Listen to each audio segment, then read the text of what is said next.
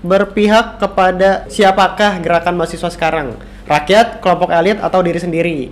Karena sepertinya nih gerakan mahasiswa sekarang sudah mudah sekali ditunggangi kepentingan-kepentingan elit dan juga kelompok-kelompok tertentu nih. Apalagi Nah, jika ada betul. yang menyuruh bergerak itu adalah senior seperti yang tadi Oh, udah iya. disempat. Oh. Sempat disinggung tadi ya. Ah, ah. Lo gimana tuh? Gimana, Bir?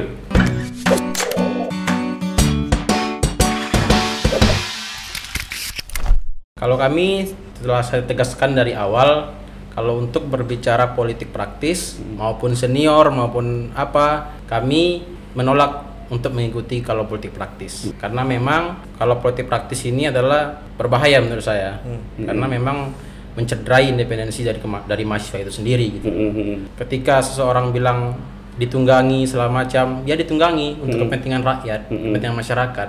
Selama fokusnya pokoknya ini untuk rakyat lah ya. Kesejahteraan rakyat. Meskipun Rakyat, mungkin aspirasinya ya teman-teman senior atau mungkin anggota Iya. DPR itu juga punya semangat yang sama Iya. untuk itu. Jadi nggak masalah sebenarnya kalau, kalau konteksnya memang targetnya ada tujuannya adalah Tujuannya untuk adalah masyarakat. masyarakat. Eh, batasannya tetap ya target goalnya adalah ini untuk kepentingan masyarakat ya. Iya, betul. benar. Oke. Nih, aku saya mau na- nanya ke Sandi. Mahasiswa ini kan diistilahkan sebagai ag- agent of change dan uh, social control.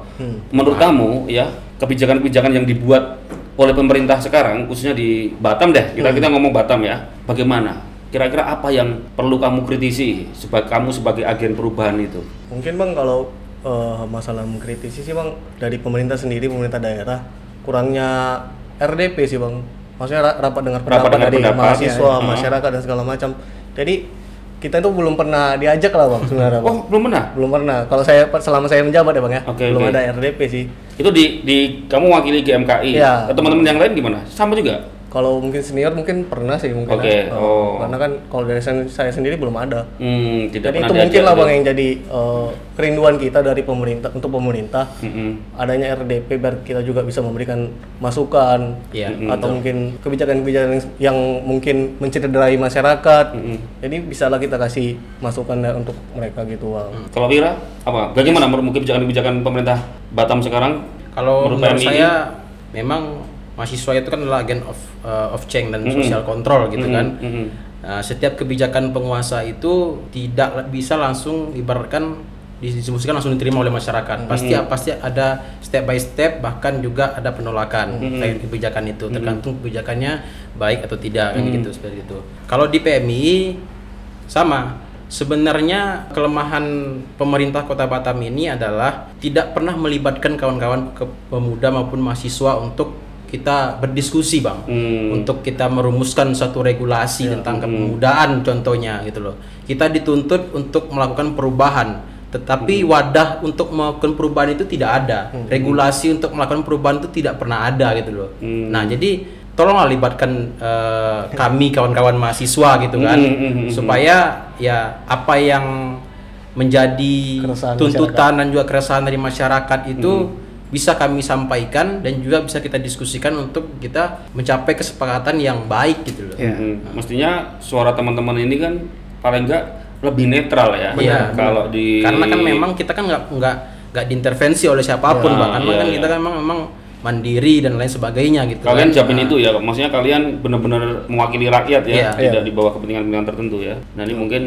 eh, penguasa atau pemerintah perlu melibatkan itu. Benar ya. Mahasiswa di Batam gitu loh. Dalam mengambil kebijakan-kebijakan dan juga keputusan-keputusan untuk masyarakat pastinya ya. Hmm. Mungkin gini, tadi ja- jarang diajak untuk diskusi atau RDP ya. Menurut kalian saat ini apa yang kalian perjuangkan atau mungkin isu apa sih yang menurut kalian eh, mungkin di momen apa kita ngobrol ini sekalian bisa sampaikan barangkali didengar oleh apa pemerintah atau penguasa Batam apa isu isu apa yang saat ini menurut kalian harus Diperbaiki Ah, gitu ya. seperti ah, itu. apa Mungkin kami kemarin sudah berkirim surat ke Dewan Perwakilan Rakyat Kota Batam terkait dengan penanganan COVID-19 di Kota Batam, mulai dari bansos, BLT dan lain sebagainya.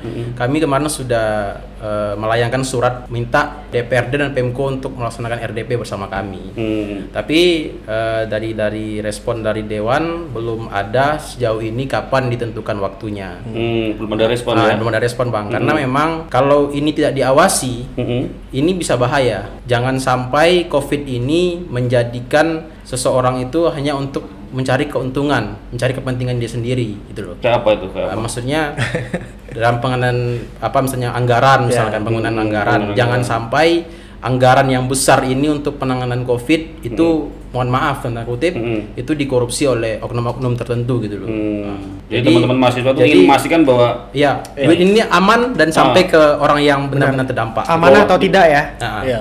Dikelola bener ya. dikelola Misalkan benar ngomong sampai ke bansos, orang yang benar-benar terdampak gitu loh, yang benar-benar membutuhkan, yang paling Hmm. terdampak. Jangan ke orang yang mohon maaf dia mampu misalkan, Hmm. tapi dapat juga bantuan langsung tunai, tapi sedangkan orang yang seharusnya dia dapat tapi Hmm. nggak dapat gitu loh. Memang selama ini menurut pengamatan teman-teman di lapangan mungkin Sandi bisa jawab apa? Ada penyelewengan mungkin atau ada pendistribusian bansos yang nggak tepat atau bagaimana? Ada sih. Ada ada Iya. Ada ada beberapa yang tidak tepat lah untuk Mm-mm. eh, diberikan bantuan. Mm. Kayak mungkin rumahnya sudah punya mobil dia kan, tapi masih di- masih dikasih Masih- juga. masih ya, dapat, iya. sayang ada juga itu ya? kan. Ada. Ada, Bang. Ini nggak hoax kan? Ada kan? nggak ada. Oh.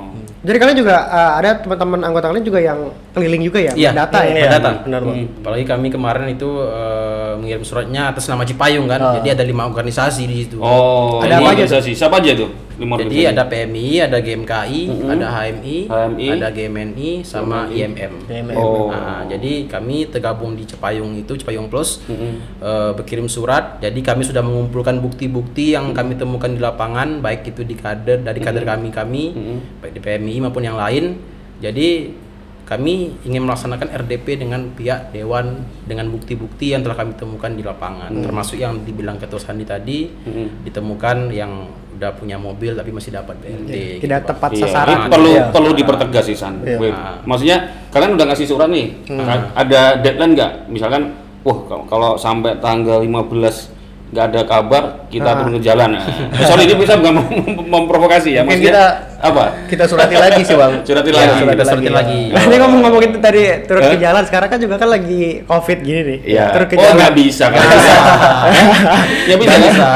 Terus gimana caranya nanti kalau kalau opsi turun jalan kalian tidak bisa, bagaimana kalian menyampaikan Aspirasi. aspirasi? Ah. Ya, karena kami kan mengirim surat kan ini kan baru dua kali bang. Mm. Jadi kita itu kan punya batasan tiga kali. Mm. Jadi kami akan mengirimkan surat kembali kepada dewan Mm. agar RDP ini segera dilaksanakan. Mm. Ya, ya nggak tahu lah kapan mau dilaksanakan. Yang jelas kami cuma minta itu. Kami ingin ingin berdiskusi atau ingin menyampaikan aspirasi kami Mm. yang kami temukan di lapangan masyarakat. Mm. Kami sampaikan kepada pihak pemerintah Kota Batam. Jadi anggota apa ke DPR ya, Ah, bukan iya. ke Iya. Menko ya, DPR dulu ya. DPR dulu DPR. bang. Jadi Hmm. Kalau untuk turun karena Hmm. situasi dan kondisi saat ini nggak memungkinkan untuk turun dan juga kita nggak diizinin juga oleh pihak Hmm. eh, stakeholder pol- apa polisi gitu kan Hmm. untuk eh, kerumunan keramaian. Jadi makanya masih banyak opsi yang lain yang bisa kita eh, suarakan gitu Oke. bang. Apalagi dengan teknologi yang canggih sekarang ini kan. Iya, demo virtual. Bisa ya. Kalian bikin Zoom atau semua diundang ke anggota DPR ini sama semua mahasiswa. Iya. Ini pertanyaan selanjutnya ada dari Asep Riwanto Sinaga nih. Hmm. Hidup mahasiswa. Hidup. Wah, ini mahasiswa banget ya. Asep, oh Nah, Asep. izin bertanya nih Min. Uh, Oh, mahasiswa adalah salah satu Adiknya organ ketua ini. Iya bang saya. Iya, Iya. Kenapa ya? Mahasiswa, uh, mahasiswa itu adalah salah satu organ masyarakat untuk melindungi serta menjal- uh, menjalankan demokrasi di Indonesia nih. Aksi demo adalah salah satu gerakan demokrasi untuk menyampaikan pendapat pendapat apa yang menjadi hak kita sebagai warga negara yang tertuang dalam uh, konstitusi. Nah, ini satu nih, lalu nih apakah new normal sekarang ini dapat menghambat demokrasi? Ah, tadi juga udah sempat di ini ya, dijawab juga. Terus apa langkah mahasiswa untuk lebih menjaga kebutuhan demokrasi? Karena sekarang ini masyarakat takut nih untuk uh, mengkritisi, Mengkritisi. uh, uh, dikarenakan kebebasan berpendapat sudah dibatasi dengan adanya undang-undang ITE. Iya. Iya. Nah, gimana pendapat kalian nih? Nah betul ya, tadi nggak bisa turun ke jalan. Kalau larinya ke sosial media, undang-undang ITE. Itu. Undang-undang Jadi ITE. agak kayak buah si malakama sebenarnya ya, apakah new normal sekarang ini dapat menghambat demokrasi? Sandi atau Wira? Kalau Ah, saya kalau khususnya di Batam sih kayaknya nggak ada new normal nggak ada new normal. Oh ya kemarin kamu mempertanyakan soal new normal. Iya, iya. Mungkin kan kayak kita nih berusaha normal, bukan new normal sih bang. Berusaha normal kita menjalani apa yang menjadi kebijakan kewajiban kita kayak bekerja dan Iya. segala macam lah. Hmm. Jadi kita cuman mengikuti protokol dari kesehatan, terus menjaga kesehatan itu itu aja sih bang Oh, berarti sama ini dengan Pak Wali ini. Kata Pak Wali kan Batam ini normal-normal aja. Normal Gitu aja. aja. karena kita mengikuti dari kebijakan Pak Wali kan bang Ah. ya bagaimana kebijakannya mungkin itu yang terbaik untuk kita juga kan bang Iya, tapi memang lebih enak normal-normal gini aja. ya, meskipun di lapangan ya tetap harus pakai masker, Iya, tetap iya, harus iya. protokol kesehatan tetap ini ya. Hmm. Pertanyaan kedua nih, apa langkah mahasiswa untuk lebih menjaga keutuhan demokrasi? Apa? Ini Ah, gantian Wira deh. Sekarang nih untuk di media sosial ya. Nah, Hmm. Karena ada undang-undang ITE nih kalau kita Hmm. mensuarakan di medsos nih aman atau enggak kayak gitu kan. media penyaluran untuk apa mengkritisi kan salah satunya ya kalau nggak bisa RDP misalnya nggak bisa terjadi pengejaran nggak bisa gimana Ya, untuk karena menjaga kan demokrasi sekarang kita kan negara demokrasi, Mm-mm. mengkritisi itu tidak dilarang. Selagi itu punya referensi yang jelas, Mm-mm. kritik secara baik Mm-mm. dan kritik yang membangun. Mm-mm. Nah, kalau misalkan yang kita kritisi itu tidak berdasarkan bukti-bukti yang jelas, Mm-mm. ya otomatis kita memang akan dikenakan undang-undang ITE. Mm-mm. Tapi kalau dia kritisi dengan referensi yang jelas, Ya. dengan Bukti, eh, fakta. bukti fakta yang jelas di lapangan, Mm-mm. ya jangan pernah takut untuk mengkritik. Mm. Karena memang tugas mahasiswa itu adalah untuk mengkritik penguasa. Mm. Karena kalau bukan kita yang mengkritik, siapa lagi akan mengkritik? Mm-mm. Emang ASN mau mengkritik wali kota tidak Ya, mau kan gitu iya, kan? iya, ya iya. justru kelompok mahasiswa lah yang yang, yang kritik eh, penguasa gitu loh. Karena memang kalau penguasa nggak diawasi itu memang akan cenderung eh, kekuasaannya tidak ada yang pengawasan, dan tidak ada yang mengawasi. jadi eh, kritis dan kritiknya tetap jalan terus Iya. bisa menggunakan sosial media tapi tetap dengan hati-hati. Nah, hati-hati Ah. sesuai dengan fakta, bukti Fakta. yang jelas di lapangan, Mm-mm. silakanlah mengkritik. Iya mestinya mahasiswa lebih cerdas kan Iya, jadi benar. tidak asal Ya, hoax tidak aja. asal hoax aja gitu kan. Nah, saya mau nanya nih ke teman-teman. Menurut kalian kan sekarang dualisme kepemimpinan di Batam udah jadi satu nih. Kemarin rame soal ex officio. Ya, Nah, ya. Kalau kalau aku Kami kemarin dapat demo tuh. kalian demo juga kemarin. Iya, iya, demo Nah, kemarin. dan ini akhirnya kan sudah jadi satu. Iya. Menurut kalian selama ini bagaimana eh, hasilnya? Maksudnya lebih bagus nggak sih? Atau Sama aja sih bang. sama aja? Nggak ada yang lebih bagus menurut saya ya. Menurut, menurut PM saya ya. PMI ya, maksudnya Ya. gitu PMI ya. Iya, tidak. Dan yang lebih bagus berarti penurunan atau Ya, apa deh? nggak ada ibaratnya naik juga enggak turun juga enggak ibarat stagnan lah gitu loh Hmm. nggak ada yang ya ibaratnya dua maupun dualisme maupun b eh, satu apa namanya dualisme kepengurusan dengan satu orang Hmm. pimpinan gitu kan tidak ada perubahan Batam ini Batam seperti itu, itu aja Tapi Secara ada lah bro, industri ada, ada Wir. Apa? Kalau dulu kan negara gaji dua orang, sekarang paling nggak gaji satu orang. kita kan nggak tahu bang kita nggak tahu Iya, lapangannya Bang. kan Iya. mana tahu Dapat juga. secara memang secara undang-undang itu kan memang eh, kalau untuk wali kota dia menjabat kepala daerah dan Mm-mm. juga kepala eh, BP misalkan Bisa-bisa double kan bisa double kita nggak pernah tahu gitu kan mana tahu nih mana Iya. tahu gitu kan Kalau menurut Sandi gimana San? Kalau saya sih mungkin lebih cepat aja bang dalam administrasi. Oh. Jadi kan turunan dari wali kota dari, dari wali kota sendiri dari Ah, Pemda kan mm. langsung turun aja ke PP langsung ya Mm. udah pengesahannya Oh. nggak nggak ribet-ribet jadi ya bang. Ya, berarti ada sesuatu yang lebih positif ya, ada Iya. positifnya, tetap ada yang baik. Soal administrasi, Iya. soal izin, soal Iya. pengurusan lebih cepat ya. Iya, Bang. Oke oke. Ya mahasiswa punya pandangan sendiri-sendiri bebas ya. Eh, satu pertanyaan terakhir dari Jul Hadril Putra. Mm-mm. I- Mau nanya idealis itu apa sih?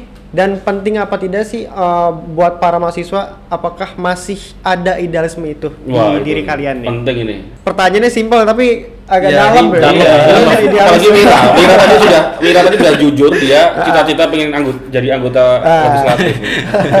Apa San? Sandi dulu deh, Sandi dulu. Ya kalau idealisme itu ya mungkin dari dari kita sendiri sih bang. Hmm, hmm. Mau bagaimana kita berpendapat, kita eh, berpandangan seperti Hmm. apa. Ya mungkin kembali ke diri kita sendiri. Apakah itu baik atau tidak bagi kita ataupun bagi masyarakat sekitar. Ya kita lah yang menentukan itu bang. Mm, mm, mm. Nah, Sip, kalau sip. saya sih ya kita coba mencari kajian dulu baru kita Hmm. bisa mem- memfokuskan itu ke mana kayak gitu aja sih bang. Oke, Wir, referensi. kamu Wir. ya kalau menurut saya mahasiswa itu memang idealis bang karena Harus seorang- idealis ya? harus idealis Harus, mm. harus idealis karena kemewahan tertinggi itu terletak di pemuda Mm-mm. yaitu di mahasiswa. Mahasiswa. idealisme itu terletak Mm. pada pemuda gitu loh Mm-mm. jadi ketika mahasiswanya atau pemudanya pragmatis hedon dan sebagainya itu nah itu sudah bahaya gitu loh Mm-mm. jadi mahasiswa itu memang harus idealis baik dari idealis Punya sikap dalam, ya. ya dari sikap apa pun itu tindakan maupun juga mengkritik memang harus berpatokan secara idealisme gitu. banyak anak muda yang galau itu kan berarti kan Iya. nggak punya idealisme. Nggak punya idealisme ya. Maka bergabunglah dengan organisasi mahasiswa. Benar. Makasih banyak buat Sandi sama Wira. Kapan-kapan kita ngobrol lagi, mungkin Siap, kita siap. ngobrol yang lebih spesifik lah. Benar. Ya, makasih udah mampir ke studionya Tribun Podcast. Kami pun juga kita. ucapkan terima kasih Iya. Terima kasih juga, Bang. telah Ya, mengundang kami. Tetap semangat memperjuangkan aspirasi ya. rakyat. Amin. Terus memberikan kritik kontrol kepada penguasa. Ya tentunya agar Batam ini kan jadi baik ya. Iya. Batam lebih baik. Kemudian ya khususnya buat teman-teman mahasiswa juga pelajar, ayo Mhm. tetap aktif, bisa gabung dengan organisasi. Jangan takut bahwa gerakan mahasiswa itu nggak mesti identik dengan apa demo. Demo, Demo, ya. ya. Gitu ya demo pun juga sebenarnya nggak masalah ini menurut saya ya. Benar, Tapi benar. kayak ya ya itu kan bagian dari Demokrasi kontrol, lah. demokrasi Iya. gitu kan. Oke, sekali lagi thank you banget buat teman-teman untuk bro. Siap. untuk Sandi, thank you. Next kita ke- bakal ngobrol-ngobrol lagi nanti Hmm. ya. Dan juga buat Tribuner, thank you juga udah join, udah ngikutin uh, obrolan ini hingga akhir dan tentunya sampai ketemu di episode-episode selanjutnya.